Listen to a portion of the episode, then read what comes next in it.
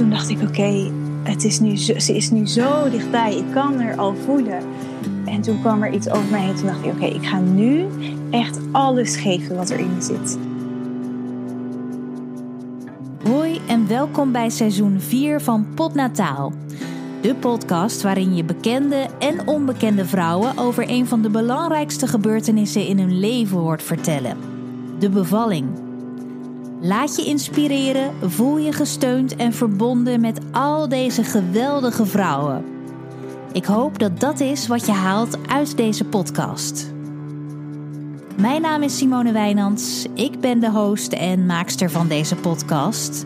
En dit is het verhaal van Tess. Ik ben Tess. Ik woon in een klein dorpje in de Snowy Mountains in Australië. En ik ben op 21 augustus 2019 moeder geworden van een klein meisje, die heet Penelope. Ik woon hier samen met mijn vriend Jordi en onze twee hondjes, Carlos en Lola. Um, en ik werk voor een groot Nederlands bedrijf uh, vanuit huis. Um, en ik heb net mijn eigen Instagram winkeltje voor vintage kleding opgezet. Um, ja, dat ben ik. Meestal zit ik in deze podcast met mijn gast aan tafel. In het geval van Tess ook. Alleen zit ze op mijn tafel, in mijn laptop. Ze woont, zoals ze al zei, namelijk in Australië. Een ja, net iets te grote afstand om af te leggen voor een interview in deze podcast. Maar het mooie is dat de geluidskwaliteit via Skype of FaceTime tegenwoordig super goed is. Dus uh, op deze manier gaat het ook. Ik kom met haar in contact via mijn Instagram-account, waar ze me benadert als vaste luisteraar van de show. Ze heeft een gezellige blonde knot op haar hoofd als we elkaar spreken en een lief gezicht met sprekende ogen. Ook al kennen we elkaar niet echt, en is het best een beetje gek om over zo'n grote afstand opeens met elkaar over een bevalling te gaan praten, toch voelt het helemaal niet ongemakkelijk. Ze vertelt me hoe ze eigenlijk in Australië terecht kwam. Mijn vriend is Australisch en we hebben elkaar in Leiden ontmoet in 2013. Um, hij was daar op een uitwisseling en hij zou er eigenlijk maar voor zes maanden zijn. En ik was aan het studeren in Leiden. En um, ja, toen zijn we samengekomen en toen is hij uiteindelijk vier jaar gebleven. En toen na die vier jaar was ik al klaar met mijn studie. En um, toen hebben we besloten om naar Australië te gaan voor nou, een ervaring eigenlijk. En ik was nog nooit in Australië geweest. Um, en we hebben nu een aantal jaar in Sydney gewoond, sinds um, 2016, eind 2016. En we wonen nu sinds een jaar in een klein dorpje. Je zit nu dus van een grote stad, in uh, echt een wereldstad, ben je nu dus verhuisd ja. naar echt een, een piepklein uh, dorpje. Een piepklein dorpje in de bergen. Um, en zeker met baby is dat gewoon heel fijn. We hebben alle ruimte. En uh, we zijn hier terechtgekomen omdat Jordi uh, leraar is. En ze hebben hier um, op het platteland, zeg maar, een enorm tekort aan mensen, in, um, aan leraren, maar ook aan mensen in de zorg. En um, we dachten, oké, we, gaan, we gaan toch eens proberen om daar te wonen en om te zien hoe het daar is.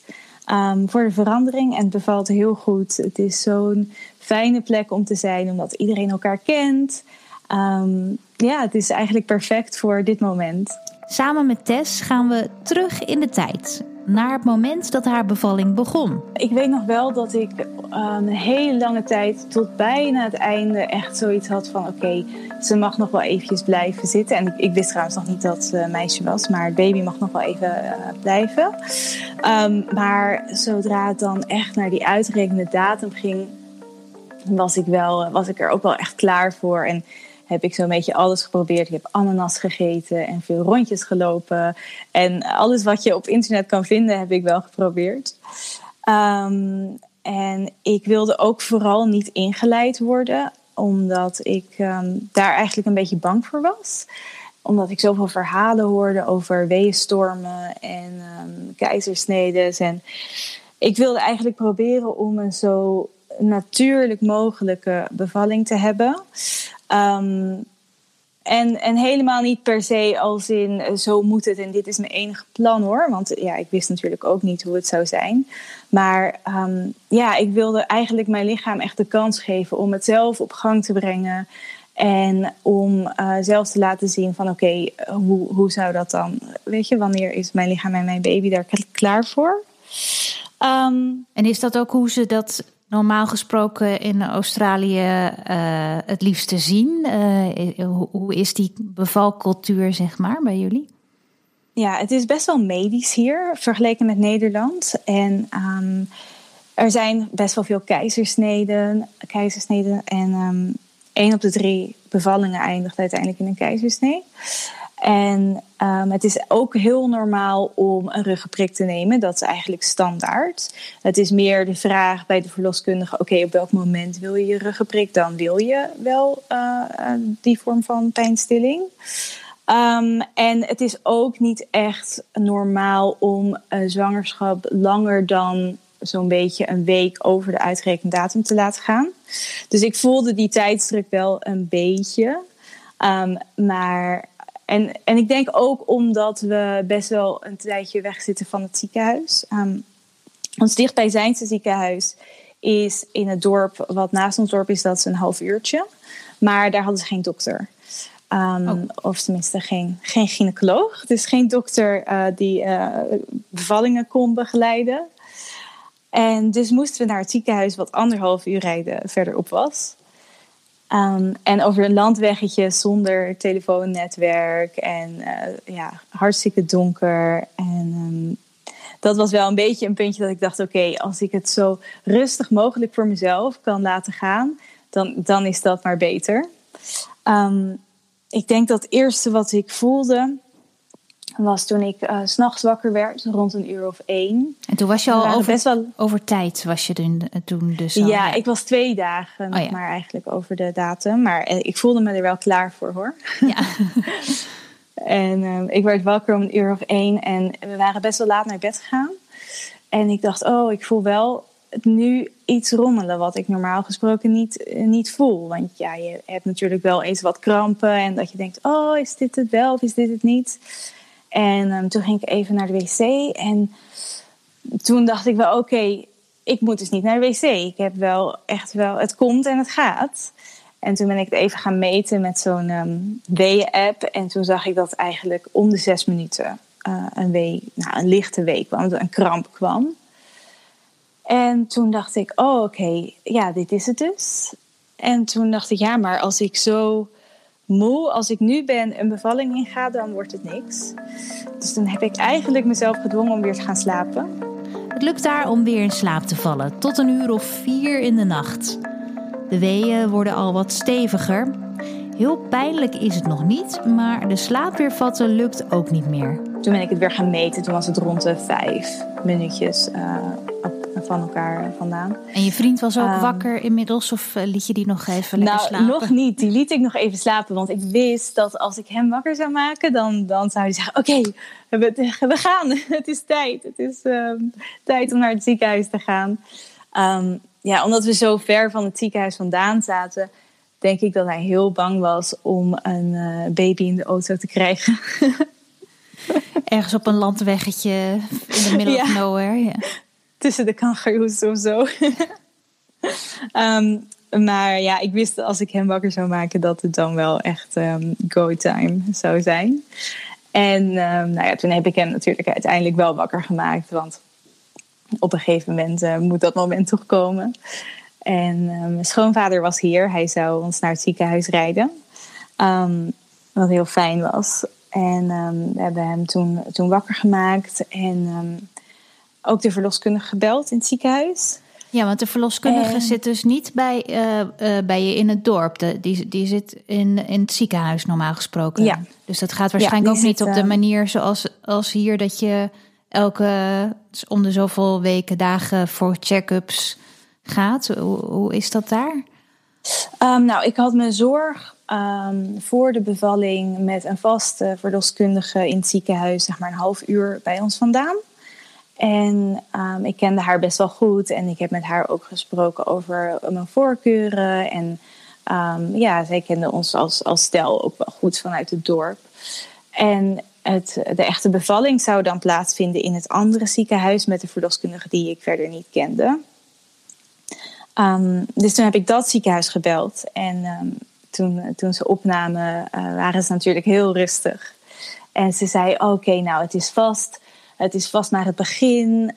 want ik was nog heel erg kalm. Het was wel echt aanwezig, maar het was niet echt pijnlijk. meer gewoon sterk krampen. En toen zei ze: Oké, ga maar even ontbijten.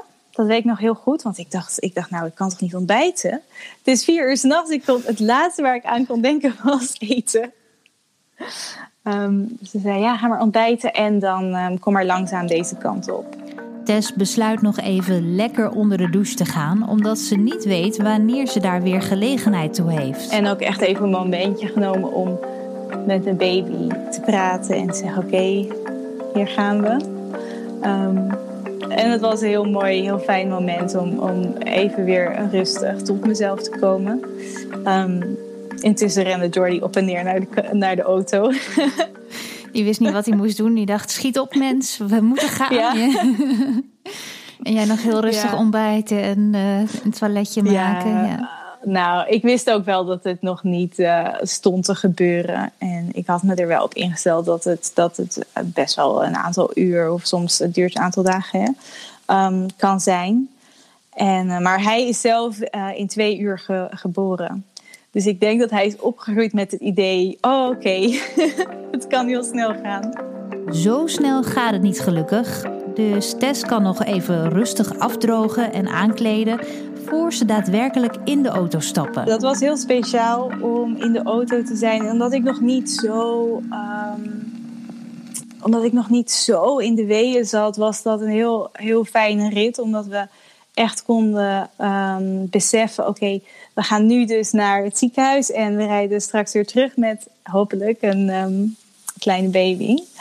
En ik was wel bang dat, ik, dat ze me weer naar huis zouden sturen. Um, en dat ik gewoon nog niet ver genoeg zou zijn. Um, en ik dacht, ja, wat als ik daar nu aankom en iedereen heeft, is midden in de nacht opgestaan en, en het is nog helemaal niet begonnen.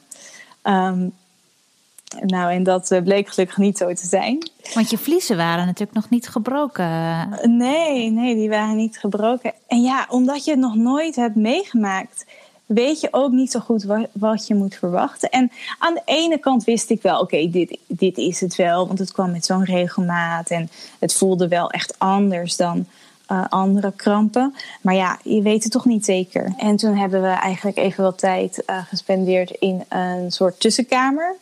En we moesten even wachten en er zat een gordijn. Er waren twee bedden in die kamer. En um, nou, ik was zelf nog hartstikke nog hartstikke erbij. En, en het, ja, het was gewoon nog niet zo heel intens. Um, en ik merkte ook dat toen ik het ziekenhuis inkwam, toen ah, werden de weeën wel wat minder. Omdat je toch met mensen moet praten. En je komt opeens in zo'n verlichte ruimte en het is hartstikke echt.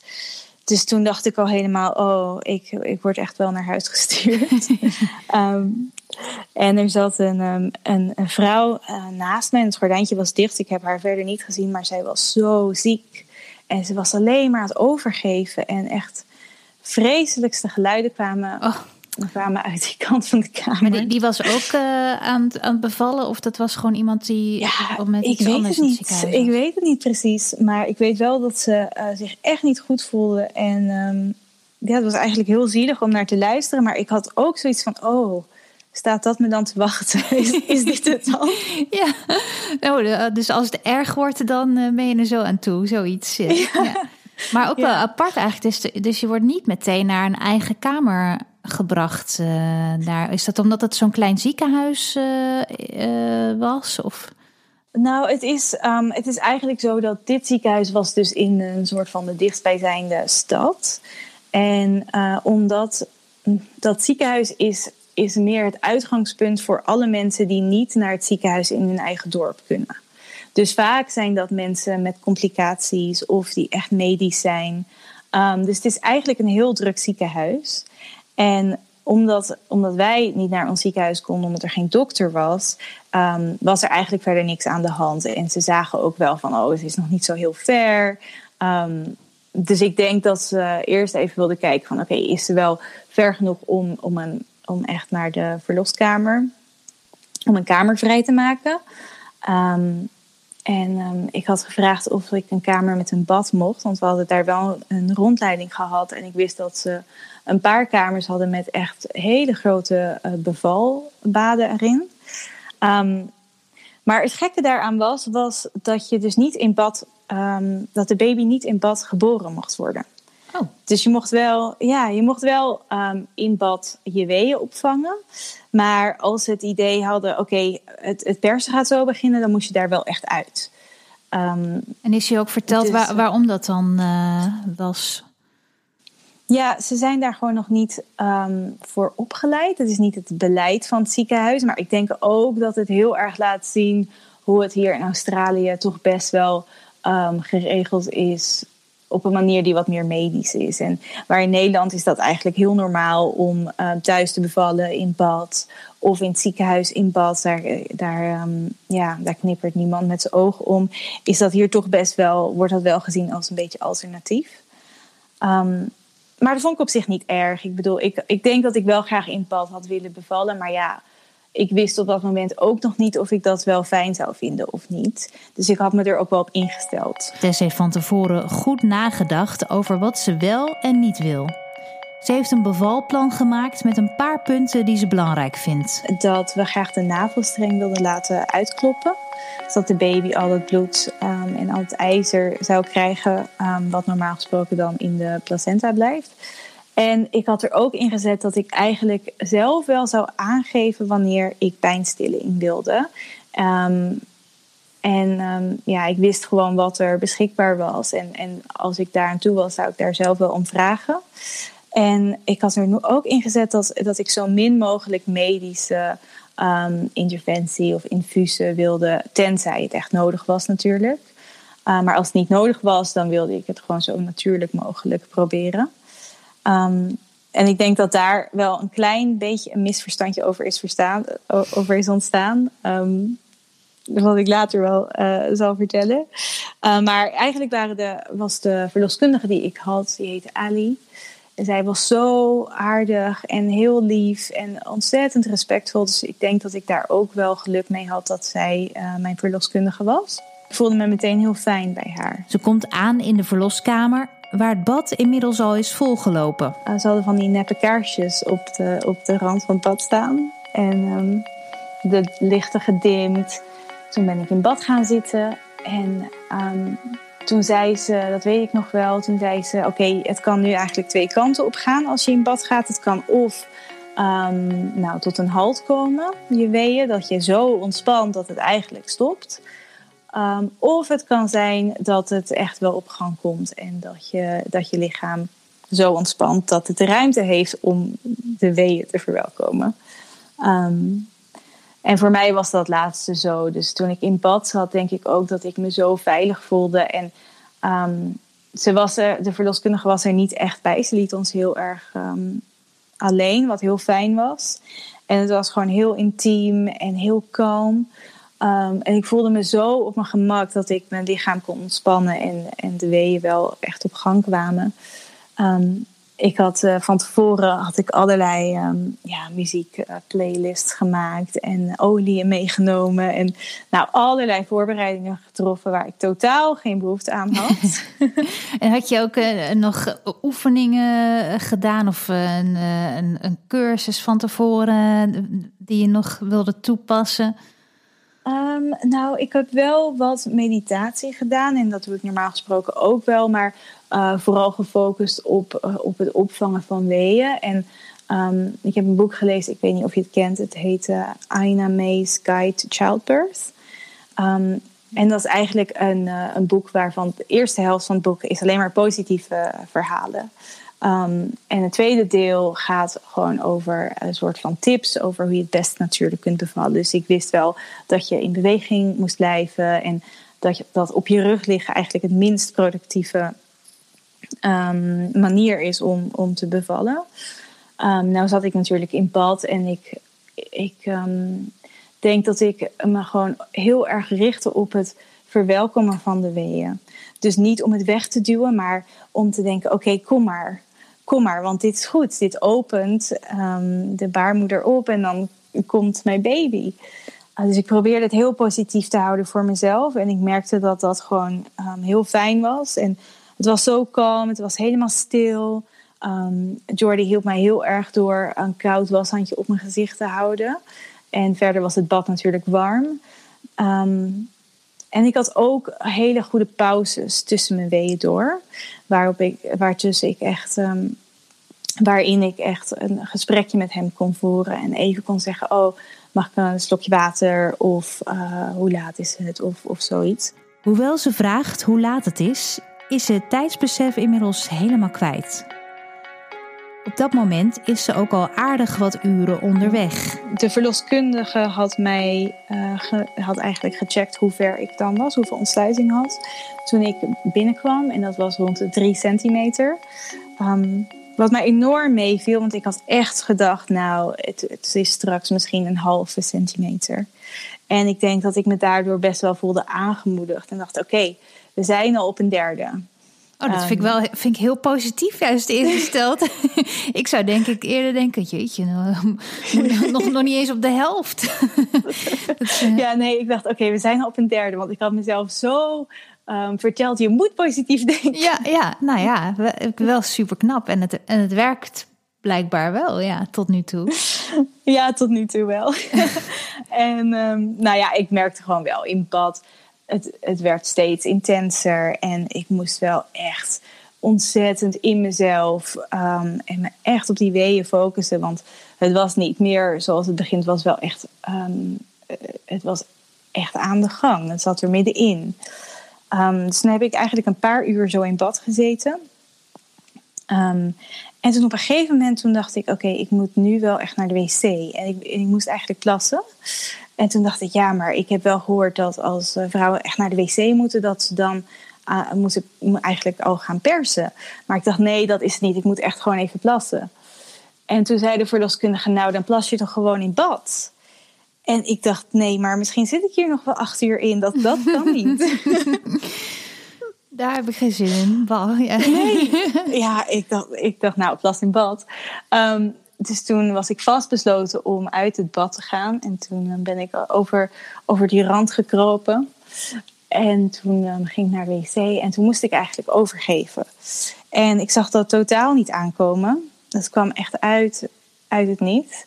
Um, en ik was best wel verrast. En ik dacht, oh nee. Ik dacht ook terug aan die vrouw naast me. Ik dacht, oh nee, gaat dit nu beginnen? Maar het was eigenlijk maar één keer. En um, ik denk dat dat ook wel een seintje was voor onze verloskundige om, om te zien: oké, misschien is ze wat verder dan, um, dan dat ik eigenlijk zelf dacht. Zometeen hoor je de rest van deze aflevering van Potnataal. Maar eerst even een bericht van de sponsor van dit seizoen, Auto.nl. Ik weet nog goed dat onze auto er plotseling mee ophield en we razendsnel op zoek moesten naar een andere. En dus ging ik hoogzwanger met een peuter met een compleet eigen wil naar de autodealer. Nou, ik herinner me vooral nog dat ik tussen alle auto's door aan het rennen of nou ja, waggelen was op zoek naar onze zoon die zich weer ergens achter een wiel had verstopt. Nee, lekker op je gemak kijken was er niet bij, zullen we maar zeggen. En het mooie is nu dat dit dus ook niet meer nodig is inmiddels. Via auto.nl kun je thuis online super makkelijk op zoek naar jouw ideale auto. Ze hebben een enorm aanbod, ze zijn betrouwbaar en je kunt er kopen en leasen. Dus terwijl je kleine prins of prinses ligt te slapen of wanneer je je favoriete podcast aan het luisteren bent, kun je dus gewoon online je nieuwe auto bestellen bedoel, we kopen tegenwoordig ongeveer alles online, dus waarom ook niet een auto? Ga naar auto.nl als je meer wil weten. Oh, en uh, mocht je het leuk vinden om een rompertje of een hoodie op peuterformaat van auto.nl te krijgen, stuur mij dan eventjes een DM via @simonewijnands underscore. Dan kijk ik of ik er eentje aan je op kan sturen. Tot zover dit bericht van auto.nl. En dan nu snel verder met deze aflevering van Potnataal. Haar vliezen zijn nog niet gebroken, maar met het uit bad gaan breekt er wel duidelijk een nieuwe fase van de bevalling aan. Ik merkte dat toen ik uit het bad was, dat die weeën zoveel pijnlijker waren. En het echt een stuk moeilijker was om ze op te vangen. Ik denk ook dat um, doordat ik was gaan staan en wat gaan lopen, dat, dat het, uh, de transitieperiode misschien wel aan de gang was. Maar dat wist ik op het moment ook niet. En um, toen zei de verloskundige: Oké, mag ik je dan even checken? Mag ik even zien hoe ver je uh, bent qua ontsluiting? En ik hoopte heel erg op, nou, misschien 7 centimeter. Um, en toen zei ze: Oké, je bent 9 centimeter. Je mag bijna beginnen Zo. met persen. Ja. ja, dat was wel heel fijn hoor. Wat, Ja. een, uh, wat een opluchting. Um, maar ik was best wel bang om te persen. En ja, ik denk dat iedere vrouw toch wel zoiets heeft waar ze dan uh, tegenop kijkt. En, en voor mij was dat het echt. Ik was, uh, Van tevoren ja, ook al uh, had Ja. je daar al wel moeite mee. Ja, en um, nou, gewoon het idee dat, dat er dan echt een, ja, dat de baby er, er echt uit moest komen. Mm -hmm. um, maar ik had ook wel gehoord dat, dat er veel vrouwen zijn die dat eigenlijk een opluchting vinden. Om, om dan actief um, ja, ermee bezig te zijn. En, en ja, ik wist gewoon niet wat ik moest verwachten. Uh, maar ik was best wel angstig op dat moment. En ik denk ook omdat ik uit het bad was en ik voelde me best wel kwetsbaar. Um, ja, dat was wel een moment dat ik, dat ik het wel uh, echt zwaar vond. Zonder dat Tess het in de gaten heeft, is er nog een extra verloskundige in de kamer gekomen. Haar vriend en haar eigen verloskundige staan er nog steeds bij. Ik weet nog wel dat ik toen over het bed uh, geleund stond. Want ik moest nog even wachten tot het echt bij die 10 centimeter kwam. En toen braken mijn vliezen. En um, de twee verloskundigen waren uh, samen wat, uh, ja, ik weet niet waar, even met, met elkaar bezig. En Jordi stond natuurlijk naast mij. En, en we zeiden tegen elkaar: Oh, dat, dat is mijn vliezen. Mijn vliezen zijn gebroken. En toen zei de tweede verloskundige die, die ik eigenlijk helemaal niet kende. Oh, um, je hebt op de vloer geplast.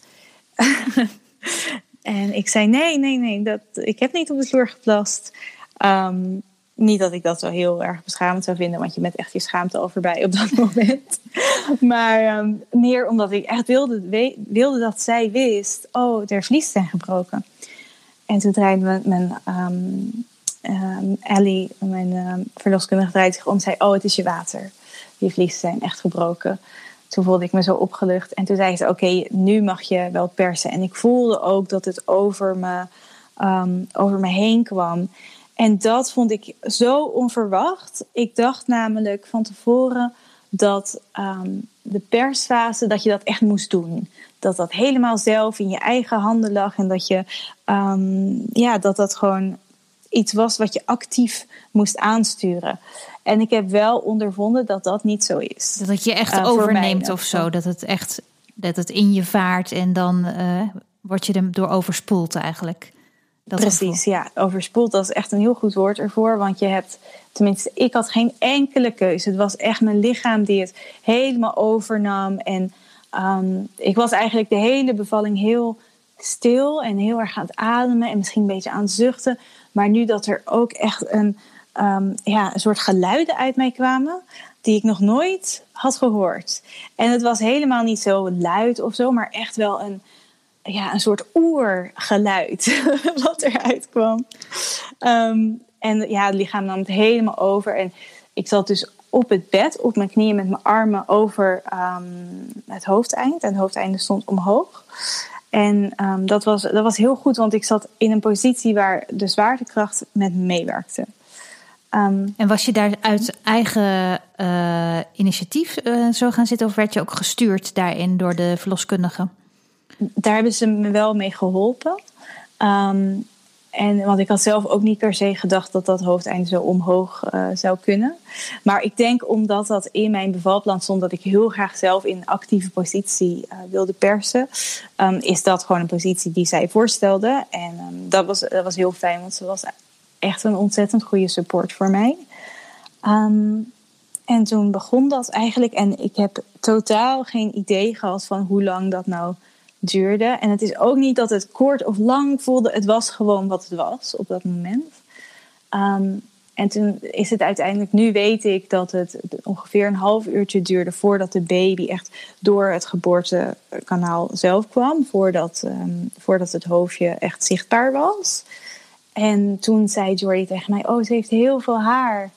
Ehm, en dat was zo bijzonder, want uh, ik, ja, ik wilde stiekem heel graag een kindje met heel veel haar. ik zei altijd: Oh, het, maakt me echt niet uit of het een jongetje of een meisje is, maar ik wil heel graag een baby met haar. nou, dat was dus zo. En hij kon haar dus al een beetje zien, uh, maar jij zelf nog niet. Ja, ja, en toen heb ik wel gevoeld, heb ik met mijn hand gevoeld en toen voelde ik haar haartjes dus, of de baby's haartjes. Ik wist toen nog niet dat, um, dat het Penelope was. En toen dacht ik, oké, het is nu, ze is nu zo dichtbij, ik kan er al voelen. En toen kwam er iets over mij heen. Toen dacht ik, oké, ik ga nu echt alles geven wat er in me zit. En toen heb ik zo enorm hard geperst. Ehm, heb ik echt alles gegeven. En toen kwam haar hoofdje naar buiten. En toen zei de verloskundige: Oké, en nu moet je ademen. Nu moet je niet persen, je moet echt het even wegpuffen. Um, maar dat ging niet. Dat ging echt. Het ging niet, maar ik heb ook wel. Ik weet nog wat ik dat in dat moment dacht: nee, nee, dat gaat niet, dat doe ik niet. Um, wat heel gek was, want ik was dus heel bang om uh, uit te scheuren. En op het moment kon het me niks meer schelen. De angst die Tess aanvankelijk had, is volledig verdwenen. Ze is alleen nog maar in het hier en nu en kan nog maar aan één ding denken: haar kindje zo snel mogelijk in haar armen hebben. Toen kwam in één keer haar hoofdje en haar lijfje naar buiten. Was ze in één keer geboren, ze schoot echt de wereld in. Um, en het was eigenlijk het plan dat Jordi zou helpen om haar aan te pakken, maar uh, de verloskundige kon haar nog maar net opvangen. Um, en um, ze begon eigenlijk meteen te huilen. En ze zeiden tegen me: pak, pak je baby, pak je baby. En ik tilde haar op tussen mijn benen door. En ja, dat was zo bijzonder. Dat was echt.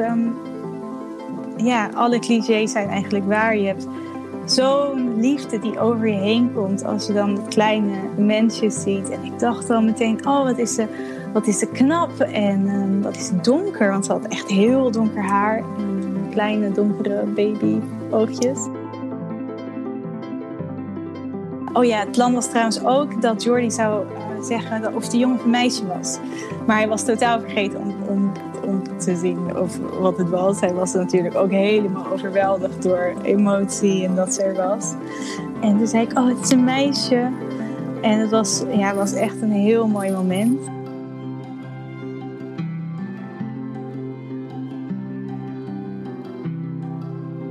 ja, dat ik dacht, jij was het dus al de hele tijd. En hoe, hoe kon het ook anders? Dit is de enige optie dat, jij er nu bent.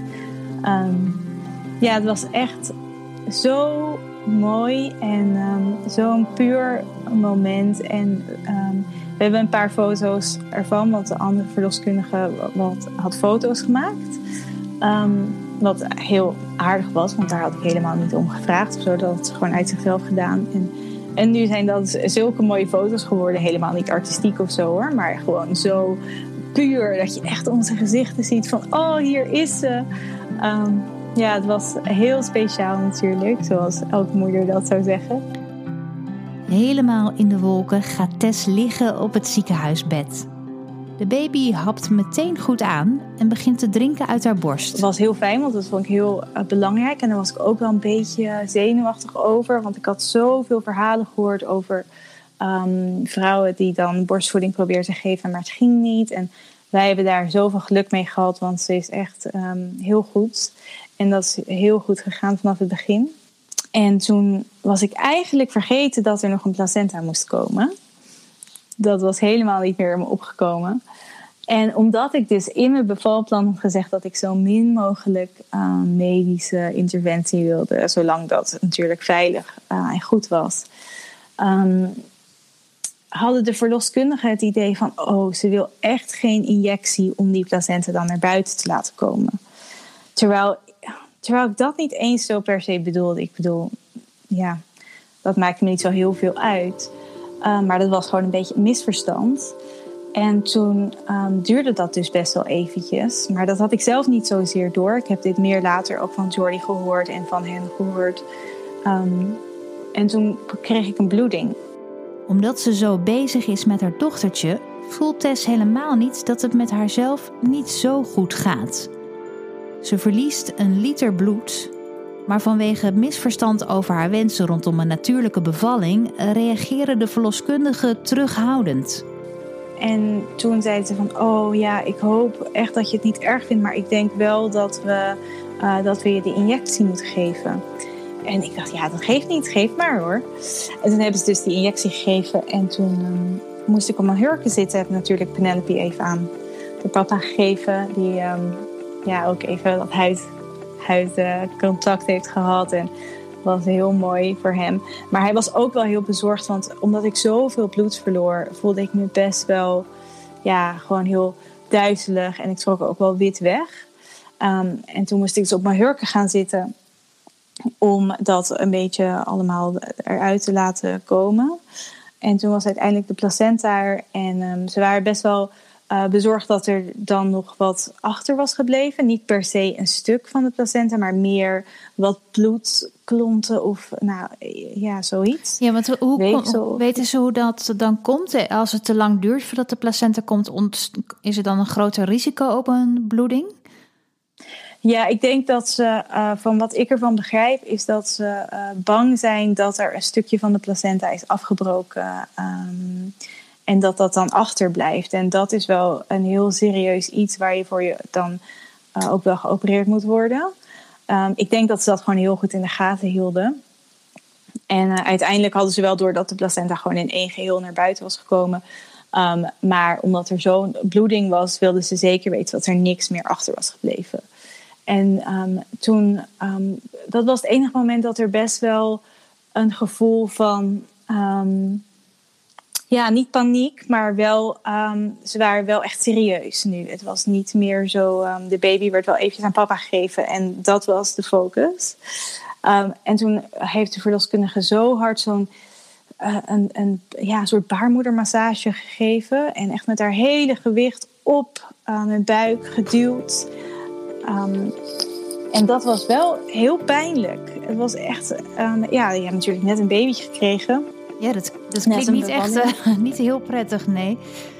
Nee, en, maar er kwam ook wel uh, best wel nog wat bloed en, en zo naar buiten. Gelukkig komt de placenta in zijn geheel naar buiten en verliest Tess niet nog meer bloed.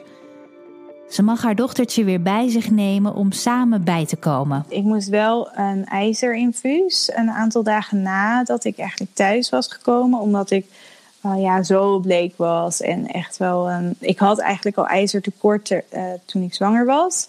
En dat, ja, die liter bloed die toen, um, die ik was verloren, die heeft wel echt het, um, ja, dat was toch wel een klap voor mijn ijzersysteem.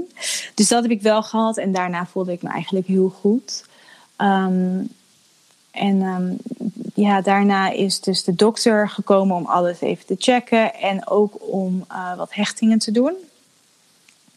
Um, want ik was dus wel wat uh, uitgescheurd tweede graad, maar niet, um, ja, niet heel ernstig, gewoon een, een beetje. Um, en, en wat ik ook wel uh, vind, is dat, dat je dat totaal niet hebt gemerkt. Ik weet nog dat ik, dat ik daar lag en dat ze dat zouden checken. En dat ik dacht, oké, het zou nu zo kunnen zijn dat er totaal niks aan de hand is. Of dat het helemaal van voor naar achter is uitgescheurd. Ik heb geen idee. wat grappig is, want ik was daar het meest bang voor. En, um, en dan maakt nou ja, het je helemaal niks meer uit. Wonderlijk is dat, ja. Ja, ja ook omdat ik natuurlijk um, ja, mijn kleine meisje had. En daar gaat al je aandacht naartoe. Het maakt echt allemaal niet meer uit. Um, ze had trouwens nog geen naam. Ze had pas die avond rond een uur of elf hadden we besloten dat ze Penelope was. Um, we hebben haar een, een, dag lang baby genoemd. Want hadden jullie nog geen, uh, geen consensus bereikt over de, de naam? Of jullie wisten het gewoon nog niet helemaal? Um, we hadden wel, en ik denk dat we er nog twee of drie over hadden. Maar we wilden zeker weten dat dit de juiste naam voor deze baby zou zijn. Dus ik denk dat we, ik denk misschien ja, twee of drie meisjesnamen hadden. En ik, en ik dacht nog wel van ja, oké, ik zou wel graag, misschien krijg ik in de toekomst nog een dochter. Hoe weet ik dan of dit Penelope is of dat dat de volgende is? Um, dus ik wilde heel graag soort van zeker weten dat haar naam bij haar paste. En um, rond een uur of elf s'avonds keken we elkaar aan en zeiden... ja, we moeten haar natuurlijk, wel een naam geven. En ik had ook iedereen gefacetimed. En um, ja, um, ik had mijn moeder al gefacetimed voordat ik was uh, gehecht. ze zei, ja, hoe heet ze? Ja, dat, dat weten we nog niet. Toen om elf uur keken we elkaar aan en toen zeiden we... ze heet Penelope. Er is geen twijfel meer mogelijk. Hun dochtertje heet Penelope. Ze blijven nog twee dagen in het ziekenhuis, iets wat ook bij een natuurlijke bevalling heel gebruikelijk is in Australië. Normaal gesproken raden ze je aan om zo'n drie dagen te blijven, dus best wel lang vergeleken met Nederland. Um, ik wilde wel heel graag naar huis om gewoon in een eigen omgeving te zijn. En ik had zo'n um, ja, gewoon, uh, goede bevalling gehad. En er was eigenlijk niks mis. Maar ik weet wel dat ik dacht: oké, we hebben hier nu nog um, de verloskundigen om ons heen, die ook kunnen helpen met het op gang brengen van de borstvoeding. En ze hebben hier geen kraamzorg. Dus als we dan naar huis gingen, dan was dat het ook wel. Dan ja, waren we echt wel op onszelf aangewezen. Dus ik wilde gewoon dat, dat ik me um, nou, toch wat zelfverzekerder voelde met het, met het voeden. En ook, ja, ik was zo bang dat ze dan s'nachts opeens zou stoppen met ademen.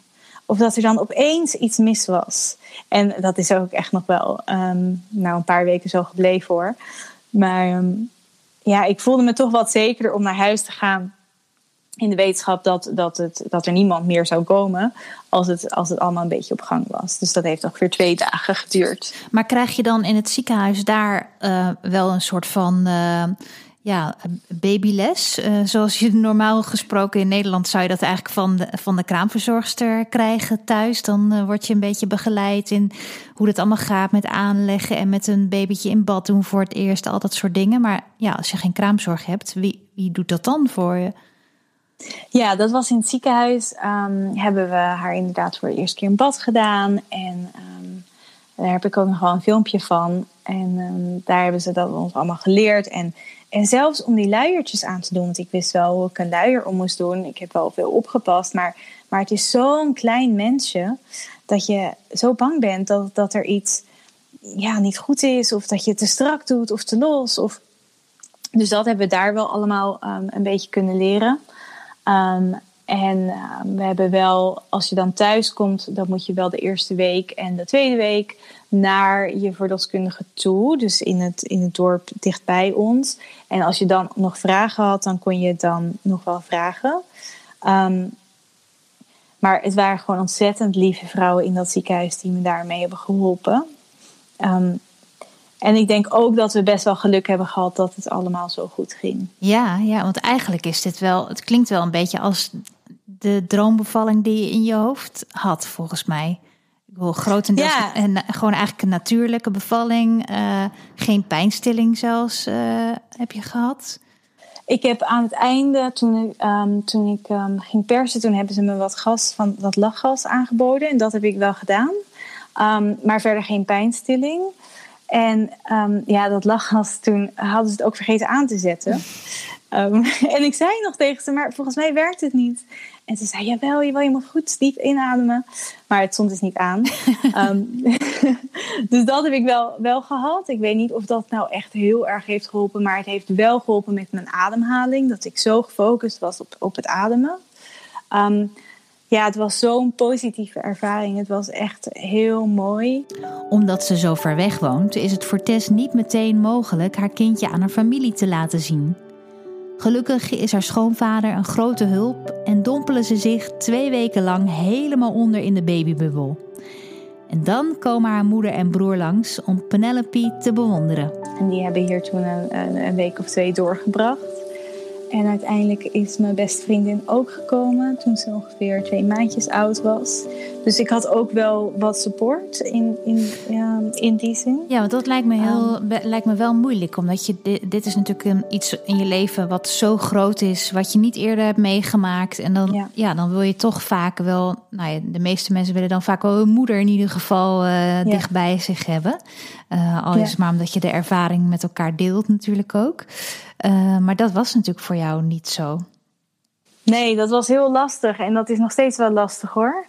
Ehm, en ik denk, wat heel fijn was, was dat ze toen mijn broertje, want ik ben ook heel erg um, ja, close met mijn broertje en moeder hier waren, dat ze hier ook wel echt um, ja, uh, een, een, paar weken waren en de hele dag en alles hebben meegemaakt. En uh, ook met mijn beste vriendin, waar we normaal gesproken dan elkaar vaker zouden zien, maar misschien overdag, heeft ze zo intens meegemaakt hoe het is om Penelope te hebben en hoe zij als babytje is. En ja, zij kennen haar wel heel goed in die zin. Als in alle ups en downs. Ze waren er allemaal bij hele dagen. Um, dat is toch weer, ja, ander, ja, weer anders dan dat je inderdaad een, een uurtje op kraambezoek gaat. Dan heb je, maak ja. je elkaar weer intenser uh, mee. Ja, en dat is wel, dat was het hele mooie eraan. Tegelijkertijd ja, mis je elkaar natuurlijk ook wel heel erg. En um, alle kleine dingetjes die ze doet, film ik en stuur ik op. Ja, waar zouden we zijn zonder internet? Ja, toch? Inmiddels is Penelope al negen maanden oud. Net zo lang als Tess haar dus in haar buik droeg. En het gaat fantastisch met haar. Ze is zo'n blij meisje. En um, ja, het is zo fijn om wakker te worden en haar uit haar bedje te halen en haar te knuffelen. Ze is gewoon zo'n ja, zo'n blij klein dingetje. Um, het is echt wel het allermooiste wat ik ooit ja, heb meegemaakt. En zo'n liefde die je voelt, die je nog nooit hebt gevoeld. Um, ja, moeder zijn is, is gewoon iets wat uh, nog mooier is dan ik dacht dat het, dat het zou zijn. Je hoorde het verhaal van Tess. Ben je eigenlijk al vriend van de show? Je hebt deze aflevering geluisterd en ik vermoed misschien nog wel meer. Dus in je hart ben je al vriend. Maar ik bedoel, eigenlijk ben je online al vriend van de show. Als je naar vriendvandeshow.nl slash potnataal gaat namelijk, dan kun je je aanmelden als officiële vriend. Je kunt er in contact komen met mij en andere luisteraars, laten weten wat je vindt van de show en er extraatjes vinden. En ik hoop dat als je geniet van Potnataal, dat je dan ook wilt overwegen om donateur te worden. Dat kan namelijk heel makkelijk via Vriend van de Show. Je kunt eenmalig iets doneren of vaker. En als je dat niet kan, ook niet erg. Je kunt gewoon lekker blijven luisteren. En nog een klein dingetje. Vergeet niet om Potnataal een 5-sterren recensie te geven in iTunes. Op die manier zorg je ervoor dat nog meer mensen deze podcast makkelijk kunnen vinden.